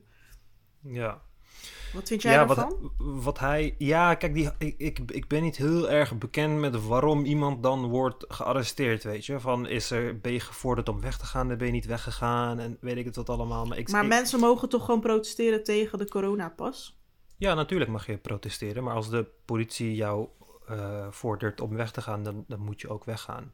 Bijvoorbeeld, maar dan heb je, je dus geen protestrecht als, als je weg moet gaan. Nee, maar als je altijd overal mag protesteren, dan zou moeten betekenen dat iedereen, elke groep, wie dan ook, de snelwegen gewoon wanneer ze willen mogen blokkeren en dat de politie daar niks tegen mag doen. Blokkeren ze de snelwegen? Dat weet ik niet. Ja, het is een konvooi van kilometers lang die letterlijk wegen bezet houdt. Weet je, het is een konvooi van vrachtwagens. Dus het is kilometers lang, dus waar die zich bevinden heb je gewoon geen, geen doorstroom in het verkeer. Ja. Dus dat, dat is een beetje het probleem. En wat Jordan Peterson dan doet is van, oh, dit is gewoon de bekende slippery slope argument van ja, kijk, nu doen ze dit. En volgende week gaat de politie je deuren de, neertrappen en dan gaan ze jou ook arresteren. Met welke reden? Wat de reden is om mensen allemaal in de cel te gooien, met welk uiteindelijke doel, dat weet niemand. Maar het is gewoon eng, dus let op, want het is eng en het kan enger worden, weet je. Maar, dat is in principe wat er gezegd wordt. Kijk, het is je democratische recht om te protesteren. En bij ja. een groot protest moet je wel bijvoorbeeld het verkeer ontregelen. Dat moet wel, want als jij ergens gaat protesteren op een uh, boerderij waar niemand komt of op een berg, ja, kan je wel doen en dan val je niemand lastig, maar dat, dat, dat maakt ook geen statement. Want je moet ja. wel iets, zeg maar, uh, net als bij die klimaatprotesten en Black Lives Matter en weet ik veel, om aandacht te vragen, moet je wel wegen bezet houden of andere mensen ja. belemmeren in hun doen en laten, want dan krijg je aandacht. Ja, ja maar uiteindelijk, uiteindelijk moet het, um, ja, als je je zin niet krijgt, dan hoort het te stoppen na een tijdje. Weet je, en dat doet het niet. Het is nu al bijna een maand bezig. Maar waarom zegt het... sowieso niet gewoon: oké, weet je wat, jullie hebben een punt. We gaan het, uh, we gaan het Omdat anders als doen. Je, omdat als, je, uh, als we de systemen zo gaan regelen dat wanneer je het niet eens bent met iets, het enige wat je hoeft te doen, eh, gewoon het, uh, ja, het blokkeren van snelwegen of wegen is, totdat je je zin krijgt, ja, dan vind het, ik vind het prima als mensen dat willen doen, totdat uh, mensen die jij niet leuk vindt, met, uh, st met stellingen die jij niet leuk vindt, dat ja, gaan doen. Ja, corona is wel een ander lang... geval, want um, weet je, het gaat niet over andere dingen. Het is wel altijd over dit. En dit, kijk, nee, we weten nu gewoon... van Omicron dat het best wel veilig is. We weten dat de ja, ja. doden meevallen. Dus we, Ja. we hoeven niet per se hele draconische maatregelen die mensen hun grondrechten afpakken. Nee, en zo. Dat precies. Kijk, we niet per se in te dit- voeren. Dit begon ook, de, de reden waarom dit konvooi begon was puur omdat je dus een corona eh, eh, eh, een vaccinatie benodigd had om de grens over te gaan van Canada naar Amerika. En toen ontstonden die protesten, want het was een protest van truckers, omdat het truckers zijn over het algemeen de grens overgaan. Het was een protest van truckers en daarna is het van die eis, van dat je gevaccineerd moet zijn om Amerika binnen te komen vanuit Canada, is het eh, ja, verbreed naar alle coronapunten, alles. Gaat opeens over alles wat met corona te maken heeft. En uiteindelijk is er niet een soort van unified eh, doel dat die mensen eh, voor ogen hebben. Eigenlijk, als je het zou distilleren van wat willen mensen nou, is het gewoon mensen willen dat corona voorbij is. Dat alle maatregelen gewoon, alles is gewoon in één keer voorbij. En ja, we komen naar zo'n punt. We gaan ook naar zo'n punt. Maar ja, je kan het niet echt, om het op deze manier op te eisen, vind ik een beetje, ja, ik vind het een beetje raar. Als het ware. Dus ik, zie- ik zie niet echt hoe. eh, Weet jij hoe, waar eh, tegen ze precies protesteren? Want ik heb me er niet in. Nee, ze weten, ze, ze weten zelf ook niet, want er is geen ze. Er is niet een, een soort van organisatie of zo die dan een bepaald aantal punten heeft die ze veranderd willen zien. Iedereen is daar gewoon, omdat, net zoals de rellen hier, weet je, toen wij hier rellen hebben gehad, is het niet omdat al die mensen punten hadden. Het is gewoon iemand heeft in zijn hoofd van, dit voelt kut, het is kut, ik heb hier zo onder geleden en het komt door de maatregelen, dus maatregelen moeten weg, weet je. Het is niet echt een doordacht iets of zo. Het is gewoon eh, van, ja, het is gewoon een beetje frustratie eh, kwijtraken. Weet je, dus omdat er zoveel mensen bij zijn gevoegd en omdat van wat het eerst was naar dit is, is veranderd, kun je daar ook niet echt, ja, wat wil je uiteindelijk precies? Dat de maatregelen weg zijn, prima, gaat uiteindelijk ook gebeuren. Maar je kan ook gewoon thuis wachten tot het gaat gebeuren. Maar om dan insinuaties te maken wat Jordan Peterson doet van, oh, weet je, eh, mensenrechten schennis en de politie arresteert zomaar mensen. En we leven in de moderne wereldschap. Er is gewoon letterlijk niks aan de hand. De politie gaat je niet zomaar arresteren. Ze gaan niet je deuren intrappen. Weet je? Oh, ik weet al waar het over ging. Ik had volgens mij gelezen. Ehm, ze kunnen niet naar Amerika of zo, omdat ze, als je niet gevaccineerd bent, zoiets, kan je niet ja, dus dat grens wat, wat ik, ja, wat ik net zei. Ja. Ja, Dus, je hebt een eh, vaccinatiebewijs nodig om Amerika binnen te komen. Ja, precies. Ja, Ja. daar gaat het volgens mij vooral om. Ja. Ja, dus daar begon het mee. En daarna is het, eh, uitge, uit, eh, is het veranderd naar ja, alles eigenlijk. Eh, vaccina- vaccination mandates, mask mandates, maatregelen, alle dingen in principe. Ja. Dus er is niet echt een overkoepelend ja, plan of idee of eis of whatever. Maar Trudeau krijgt wel heel veel kritiek hierdoor, omdat hij zeg maar zo hardhandig optreedt tegen deze mensen, Ja, eh, die voornamelijk goed bedoelend zijn en hun recht uitoefenen eigenlijk. Ehm, en omdat hij ze heel, heel ehm, soort van overdreven wegzet als nazi's rechts en zo, terwijl ja, tegen... ja dat is jammer. Dat, Dat dat, is dat, jammer hoeft natuurlijk niet altijd. Heel veel allochtonen en moslims en zo zijn ook tegen eh, die vaccins en zo. Dus dat heeft niks met nazi's te maken en zo. Ja. Ja, dat is het lastige. Hij, eh, doet, hij denkt, oh ja, ik plak er gewoon een etiket op en dan eh, kom ik daarmee weg. Maar dat is niet echt het geval. Ja, Ja. ja. Ehm, ander onderwerp. Ik eh, vroeg mij af of jij een eh, islamitische uitvaartverzekering hebt. nee, nee, ik heb geen uitvaartverzekering. Helemaal niks. Ja, ik werd dus laatst geïnterviewd voor de Linda. En dat is een rubriek over, ja, eigenlijk de dood en hoe bereid je erop voor en zo. Ja, ik weet niet precies waarom ik voor deze rubriek ben gevraagd, maar ik ben gevraagd. En toen eh, had ik een interview. En toen waren ze best wel verbaasd, want ik heb gewoon een islamitische uitvaartverzekering. Van Mili Gurish nota bene. eh, waar ik eh, zoveel kritiek op heb geuit. en de reden daarvoor is heel simpel. Ehm, ja, mijn ouders wilden dat heel graag. En Uh, toen ik zei van ik wil het niet, uh, barstte de hel los en kreeg ik oorlog thuis. En uh, toen zeiden ze van ja, zelfs als jij het niet neemt, gaan wij het voor je nemen. Dus er was geen ja. ontkomen aan. Um, dus ja, stel ik heb nu een hartaanval, dan word ik in Turkije begraven. En dat is niet echt de bedoeling, lijkt me. Want dat is ook super raar. Um, als je, als je wil je juist... begraven worden? Sorry? Wil je begraven worden? Ja, ik denk het wel. Ja, weet je, ik heb daar nooit echt over nagedacht of zo, omdat ik er niet bij stilsta. Maar uh, ja, stel ik ben een keer oud en ik moet erover nadenken. Ja, ik denk van wel. Ja, liever begraven dan crematie. Ja, wat jij dan? Ja, ik heb ook liever begraven, eigenlijk. Het maakt me eigenlijk niet zoveel uit, maar crematie vind ik. Uh, ik denk, stel je hebt nog gevoel in je lijf of zo, dan lijkt het me zo. Uh... Oh nee, ja, ik denk gewoon van, weet je, uh, als je me begraaft, dan neemt de aarde me weer op. Dan gaan lekker al die wurmpjes en microben, die gaan lekker van mij smullen. Terwijl ik uh, ja, dan 80 jaar van hen heb gesmuld. Dus uh, ja, vind ik wel chill. Een soort van recycling. Ja, maar je zit toch in een uh, hele stevige kist. Dus dan kunnen ja, maar je, je, uh, uiteindelijk maakt die kist niet uit, want je rot gewoon weg. Dus die microben ah. die eten gewoon. voor een microop maakt een kist weinig uit. Maar daarom, als je, en als je mensen verbrandt, dan. Um, ja, dan doe je niks. Het is gewoon, dan stop je er meer energie in om mensen te verbranden.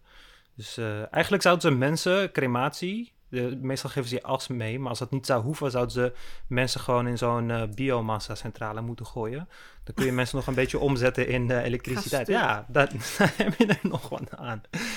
Maar uh, verder zou het me niet heel veel uitmaken of ik, waar ik begraven word of ik wat. Van mijn part gooi je me weer in het GFT, weet je. Maakt me niet echt... Ja, in die interview vroegen mij dus van ja, waarom willen alle Turken in Turkije begraven worden terwijl ze hier geboren zijn? Uh, toen zei ik ja, dat is heel simpel. Je krijgt daar eeuwig graf en hier niet.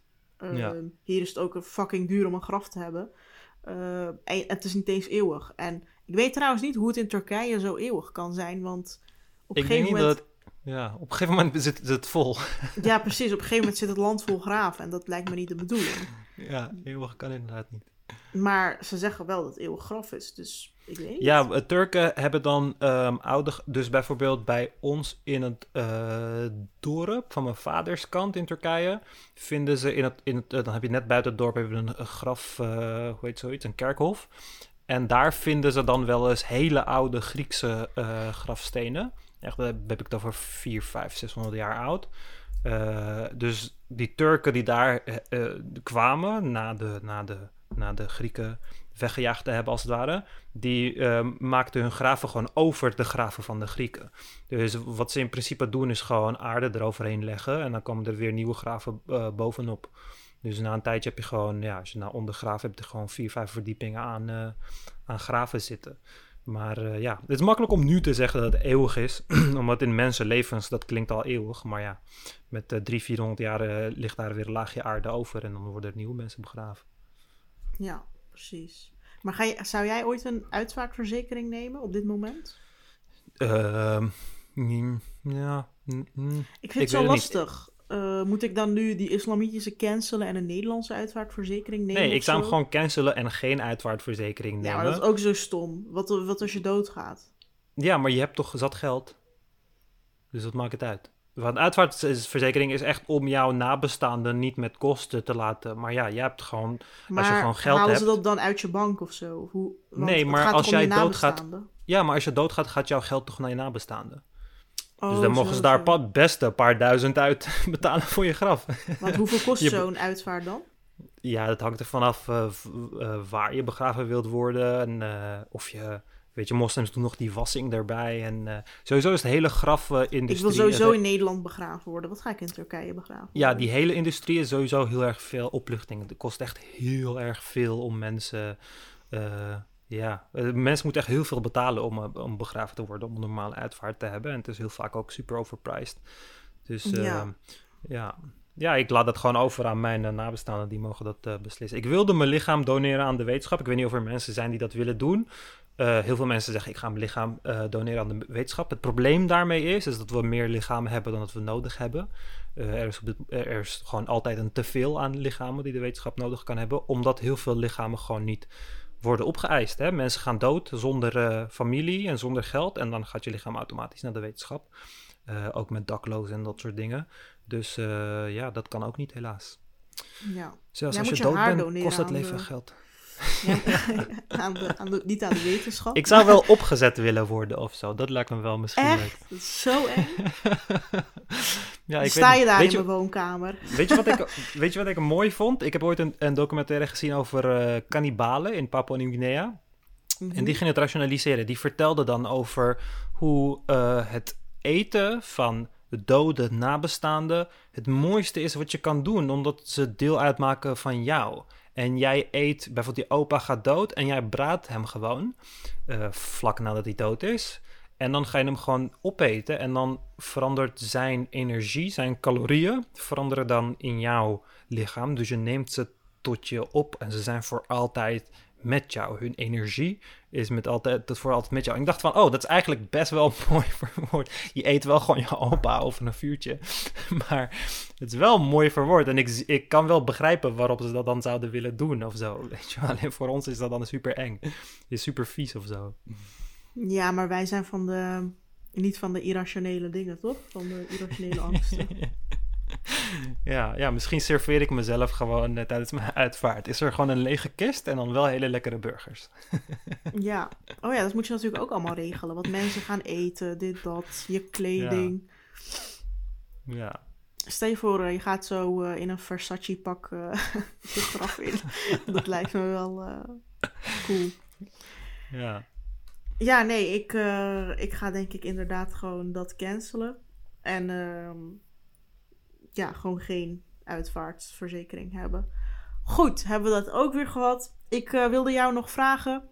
Ehm, ik schrijf dus columns en die staan achter een paywall. En ik krijg dan heel vaak te horen, ik wil je columns wel lezen, maar er is een paywall. En ik, ik kan geen abonnement Oeh. betalen.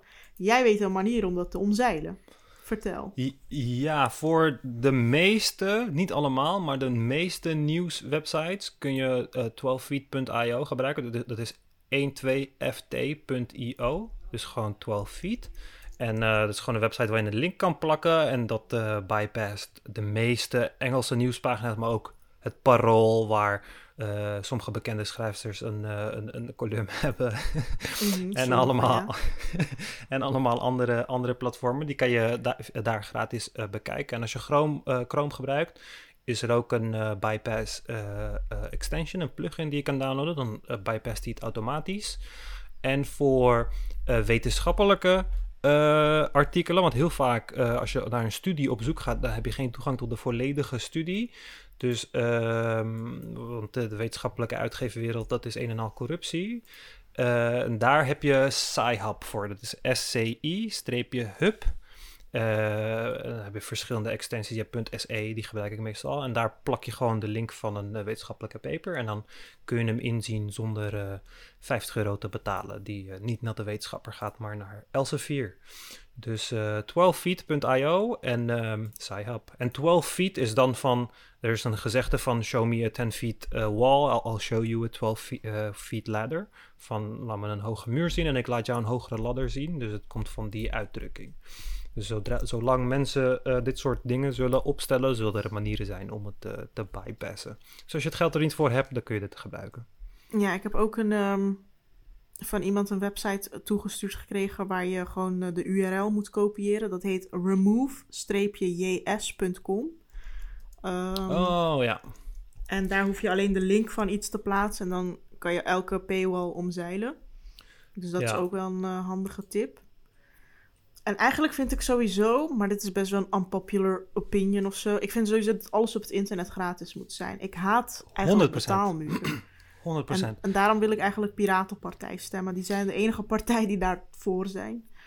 Ehm, ik, ik wil e- even een, kort, even een kort verhaal dat hierover gaat van een van mijn idolen. Dat is eh, een man genaamd Aaron Swartz.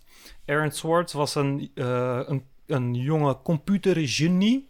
En die heeft heel veel dingen die wij tot op de dag van vandaag op het internet gebruiken, heeft hij uitgevonden. Waaronder het RSS-protocol. Dat kent niemand, maar dat wordt gebruikt voor alle podcasts in de wereld. Dus hij heeft letterlijk dat uitgevonden. Deze podcast doen we mede dankzij hem.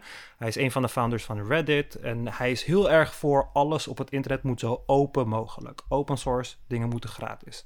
En het probleem uh, dat je daarmee hebt uh, met wetenschappelijke wereld, is dat in de wetenschappelijke wereld, als ik een paper schrijf en ik wil die gepublished hebben in een journal, die vaak wordt geowned door of Elsevier of Wiley, dat zijn de twee grootste, dan betaal ik die journal geld en dan publiceren ze mijn paper. En vervolgens, als iemand die paper in die journal wilt gaan lezen, betalen zij ook geld aan de uitgeverij. Dus je verdient aan beide kanten. Het is alsof jij je uitgeverij zou betalen om jouw boek te laten publiceren. En vervolgens, dat geld wat er wordt verdiend, 0% daarvan gaat naar de wetenschapper. En tijdens dat hele proces, wanneer jij je paper indient, is er ook een peer review. Dan gaan anonieme wetenschappers in dat vak gaan jouw uh, werk dan reviewen. Al die mensen krijgen ook niet betaald krijgen helemaal geen reet. Die doen het gratis. Vrijwillig, liefdadigheid. Uiteindelijk gaat al het geld naar Elsevier. En wanneer jij dan zo'n studie wilt bekijken, dan kom je voor een paywall te staan. En wat heeft, dus daar hebben we die website voor, SciHub. En wat heeft Aaron Swartz toen gedaan? Aaron Swartz die uh, uh, studeerde op MIT. Uh, en hij ging uh, op MIT, als je in een, op, op, universiteit zit, dan weet je dat je vrij toegang hebt. Op het netwerk van de universiteit heb je vrij toegang tot wetenschappelijke literatuur. Hij ging de serverkamer in en hij stopte daar, hij connecte daar zijn laptop en hij begon alle wetenschappelijke papers, allemaal van het internet, begon hij uh, te downloaden. Allemaal. Begon hij naar zijn computer, naar een externe harde schijf te downloaden, zodat hij die gratis kon aanbieden voor de hele wereld. Zodat als een kind in, in, in Pakistan zich iets afvraagt en wetenschapper wil worden, hij het kan vinden. Hij doet dit en het duurt meerdere dagen om al die data te, te, downloaden. En de universiteit komt erachter. En ze stoppen, ze bellen de FBI. Ze zetten daar een geheime camera neer. En ze zien dat het Aaron is die in de serverruimte komt. Aaron wordt gearresteerd.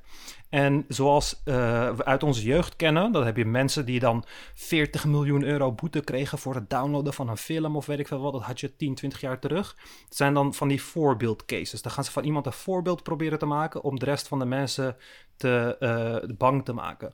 Hebben ze hem 35 jaar gevangenisstraf gegeven. En een boete, ja, en een boete van 1 miljoen dollar. Deze man was een genie. Hij heeft het internet die wij kennen, heeft hij opgezet. Als je naar filmpjes van hem kijkt, zie je hoe hij als 13-jarige nerd uh, aan een paneel zit om de toekomst van het internet te bespreken met 40, 50-jarige veteranen. Deze man was een genie en hij stond voor openheid van informatie. Hij wordt gearresteerd, 35 jaar prison time, 1 miljoen uh, dollar fines.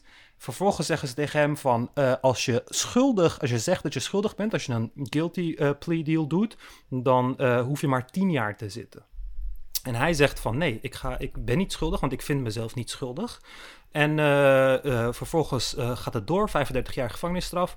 Dus wat doet hij? Hij pleegt zelfmoord in zijn cel.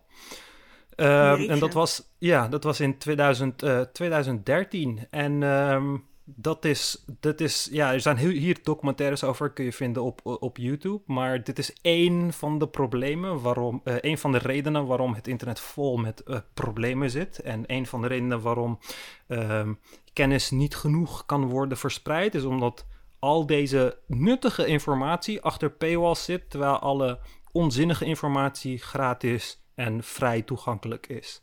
Dat is het probleem en daarom moet alles ten alle tijde helemaal gratis zijn.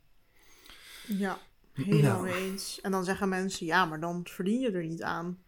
Er zijn altijd mensen die bereid zijn om te betalen. Altijd. Kijk naar deze podcast. Er zijn, kijk, nu kunnen we er misschien niet van leven. Maar als we dit nog een, een jaartje volhouden, dan kun je wel. Ja, uh, maar laten we wel wezen. Stel je maakt Netflix gratis. Wie gaat er dan nog een abonnement nemen? Ja, je hoort, kijk, je hoort de basis gratis te maken. En het, waar je voor betaalt, hoort alleen een premium te zijn. Dus je kan bijvoorbeeld Netflix in Full HD gratis maken. En in 4K, dan betaal je ervoor. Of als je 8K wilt, dan betaal je ervoor. Maar dan hebben ze toch sowieso minder inkomsten? Uh, ja, maar daar, daar, daar, moet je, daar moet je uiteindelijk moet je daar akkoord mee gaan, omdat je uh, meer volume pakt. En als je gewoon meer volume pakt, dan kan je uiteindelijk wel meer, uh, meer winst boeken, weet je. Net zoals Spotify. Als Spotify jou voor een tientje per maand toegang geeft tot een miljard liedjes, als dat kan, weet je, dat is 0,0000 weet ik veel hoeveel cent per liedje. Dus dan moet de rest ook kunnen. En dat heb je tijdens deze pandemie ook gezien. Hè? Dan, had je, dan hadden bepaalde nieuwskanalen hele nuttige eh, artikelen over het virus, over het vaccin. En dan staan ze achter een paywall. En dan denk ik van, wat is je doel nu? Wil je mensen informeren of wil je geld verdienen? Welke van de twee wil je precies? Mhm. Weet je? Dus eh, ja, dat is, uh, dat is jammer. Nee, maar goed, kijk, wij hebben ook één aflevering achter een betaalmuur. Omdat wij ook gewoon hier een inkomen uit willen halen, omdat het anders gewoon niet komt. Dus ja, ik weet niet. Ik, vind, ik denk gewoon, kijk, die mensen moeten gewoon inkomen eruit kunnen verdienen, maar dan ergens anders vandaan in plaats van van de customers, zeg maar. Ja, kijk, dingen als podcast of, of liedjes of software en zo, daar kan ik het wel van begrijpen. Maar wanneer het echt over informatie gaat, en dan heb ik het over wetenschap of nieuws, die twee dingen horen geen geld te kosten. Die Mhm. twee dingen horen gewoon nooit geld te kosten, want het is geen vermaak, het is informatie. Het is, het is Ja. niet iets wat je voor in je vrije tijd doet of zo. Het is gewoon om meer van de wereld te weten te komen. En kennis hoort niet achter gesloten deuren te zitten. Weet je, Ja. dat, is gewoon, eh, dat is gewoon jammer. En als je kijkt naar de dingen die wel gratis zijn, dus vaak eh, voetbalnieuws of weet ik veel wat, nu.nl, weet ik veel wat. ehm, die mensen verdienen ook gewoon geld natuurlijk, maar dan via Ja. advertenties, dit en dat. Dus Ja. dat, dat zou eigenlijk gewoon voor iedereen, voor alles moeten gelden dan. Dat die Ja, je moet gewoon een hun inkom- alternatief, alternatief verdienmodel vinden in hetzelfde veld. Ja, ja. Ja, dat is hetzelfde met ons. Wij zouden ook in plaats van donaties met merchandise kunnen werken. Dat we hiernaast de t-shirts verkopen of weet ik het wat, allemaal. Weet je. je moet gewoon een nieuw verdienmodel vinden. Je moet meegaan met de tijd. In plaats van je, je ivoren toren nog hoger proberen te bouwen om, om eh, aan je geld blijven vast te houden. Want voor je het weet bouwt iemand anders een platinum toren die, die veel groter is en veel meer geld verdient. Dat is de reden waarom Netflix eh, dat, eh, alle videotheken eruit heeft gespeeld. Weet je, omdat ze meegaan met de tijd. En eh, ja, uiteindelijk moet alles naar gratis gaan. Daar, daar, daar geloof ik echt plichtig in. Internet gratis. Alles wat digitaal is, hoort gewoon gratis te zijn. Ja, ja. Dan moet je op de Piratenpartij stemmen op 16 maart. Maar trouwens, je had het net over 1 miljoen dollar boete. Weet je wie ook 1 miljoen euro boete heeft in Amsterdam? Nou? Dennis Uresin, oftewel Dennis. En ehm, ja, kijk, weet je wat heel grappig is aan deze Dennis? Hij heeft natuurlijk heel veel geld verdiend met zijn lachgaszaakje. Ehm, ik weet niet precies hoeveel, maar waarschijnlijk echt superveel. Ehm, hij is daardoor rijk geworden. En toen heeft hij op een gegeven moment eh, heel veel boetes opgestapeld gekregen omdat hij aan straatverkoop deed. En dat mocht niet. ja. En volgens mij is dan de, de boete 400 euro of zo. Maar hij, hij heeft dat er gewoon zo lang genegeerd dat het gewoon opgestapeld is tot 1 miljoen euro. Ehm, en nu is het opvallende dat hij een hele opvallende ja, ommekeer heeft gemaakt. Hij is nu helemaal tegen lachgas. Hij eh, profileert zich als iemand die de hele tijd ook in de media als iemand die tegen lachgas ageert. Eh, hij is ermee gestopt natuurlijk. En ja, het valt zeg maar op dat hij daar zo een draai in heeft gemaakt. En heel veel mensen denken dan, oh ja, hij heeft misschien wel een deal kunnen sluiten... waardoor hij die 1 miljoen euro niet hoeft te betalen met, weet ik veel, een overheidsorgaan of zo. Ja. Ehm, waardoor hij zeg maar een soort van campagne leidt tegen lachgas voor de jongeren. Ehm, en misschien die boetes niet hoeft te betalen. Maar ik weet het niet. Het zijn eh, slechts eh, geruchten. Hmm, ja, het zou, het, zou, eh, het zou kunnen. Alhoewel ik denk dat als je zo'n ehm, overeenkomst maakt met Dennis, dat het vrij snel boven water zou komen. Want ze zijn heel Waarom? slecht in het. eh, omdat het, het, het chill is om. ehm, ja, kijk. Ik weet niet hoe het met hem zit hoor, maar in mijn hoofd ben ik wel zo koppig dat als de regering mij 1 miljoen euro boete zou geven, en ik ben het er niet mee eens, want ik ben tegen al die dingen. En als ze vervolgens met mij samen willen werken, dat ik liever heb dat ik hen voor schut kan zetten door ze te exposen, dan dat ik die miljoen ja, euro maar ja, dan moet je wel een miljoen euro overmaken. Dat is niet echt eh, weinig geld of zo. Ja. 1 Ja, miljoen, klopt. dat is wel heel veel, hè? Ja. Maar g- gebruikten ze in dat filmpje van eh, die partij toen met Aart van Amerongen en die andere guy, of Arthur van Amerongen, eh Eh. gebruikten ze toch ook lachgas? Toen zaten ze aan de ballonnen volgens mij. tij- tijdens die ja, je bedoelt bij je. Café Weltschmerz. Ja, Ja. klopt. Ja, maar hij is gestopt toch? Hoe kan dat dan? Ja, hij is Of, nu eh, gestopt. zat- zat- eh, oh, nu, nu is hij gestopt. Ja, nu pas is hij gestopt. Dit, tenminste, hij zegt dat hij gestopt is. En hij wordt dan eh, de hele tijd een soort van gefilmd. Kijk maar op YouTube. van hoe hij gestopt is, waarom hij gestopt is, dat hij zijn spulletjes opruimt en zo. En ja, tuurlijk, het kan. Want hij zegt, ja, ik heb ingezien dat het uh, slecht is voor jongeren. Ik heb mensen met een verlamming gezien, et cetera. Dus je kan het uh, geloven. Maar ja, aan de andere kant, hij heeft al die tijd daarvoor, wist hij ook wel de gevaren. En toen zei hij, ja, ik heb scheid, ik heb scheid. Iedereen moet uh, zelf risico's weten. We zijn toch geen sharia-land. overheid moet niet betuttelen. Hij had echt de mond vol over, over dat ja, iedereen... Toen nog, ja, toen verdiende hij er nog geld aan en nu verdient hij er geen geld aan. Dus, ja, maar hij kan er nog steeds geld aan verdienen. Maar hij is er gewoon mee gestopt, zegt hij. Ja, ja. Uh, dus ja ik weet niet. Ik hoop voor hem dat hij, uh, dat hij er echt mee is gestopt. Maar ja, het is ook niet gek, hè? Want dit soort verhalen doen het gewoon heel goed. Als je crimineel was en dan op het rechte pad gaat. Of als je gelovig was en je ongelovig. Je zat onder lachgas en dan niet meer. Weet je, die verhalen doen het ja. gewoon goed. Dus uh, daar stoppen ze meestal wel wat meer tijd en aandacht in om dat soort mensen groot te, maken of bekender te maken. Dus ja, het zou net zo goed ook wel kunnen, ik weet het niet. Hij heeft uh, 7000 stemmen nodig, dan zit hij in de gemeenteraad in Amsterdam. Hey, maar is hij geen leuke gast voor de podcast een keer? Ja, ik denk het wel. Uh, hij is ook best wel uh, slim. Hij heeft VWO gedaan, weet ik. Want ik kende ja. hem nog in die tijd dat hij gewoon, uh, zeg maar, normaal was. Of tenminste niet in de lachgas zat. ja, we oh, jij kent hem daarvoor? ja, we kunnen tegen hem zeggen dat hey, de verkiezingen komen er bijna aan. Wil je reclame? Kom dan in onze podcast. Want ja, hij heeft ja. wel die 7000 stemmen nodig. En hij is er helemaal van overtuigd dat hij dat gaat krijgen, zegt hij in dat filmpje. Hij zegt ja, dat gaat zo makkelijk, want hij heeft iets van 100.000 volgers op Instagram. Dus uh, ja, ja, als 7000 daarvan uh, in Amsterdam wonen en bereid zijn die dag voor hem, op hem te stemmen, dan is hij binnen. Ja. Maar dat zou wel echt lachen zijn. Ik wil gewoon puur voor de, ja. voor de grappige filmpjes wil ik eigenlijk dat hij in de gemeenteraad komt. Ja, ja, ja. Nou, ik ben benieuwd. Maar goed, ik zie dat we wel uh, weer anderhalf uur bezig zijn. Dus ik ga hierbij afronden. Um, oh ja. ja. voor de mensen die ons willen steunen, ik ga leven.backme.org. En uh, ja, stuur vooral een berichtje. Uh, heb je vragen over de podcast? Heb je suggesties voor onderwerpen? Wil je iets kwijt? Wil je je, je je liefde uitspreken, je haat uitspreken? Het mag allemaal. Ga dan naar de Instagram van mij of van Ummer. Um, en ja, laat vooral weten wat je ervan vindt. Ik yes. zie jullie, of wij zien jullie de volgende keer. Doei! Doei!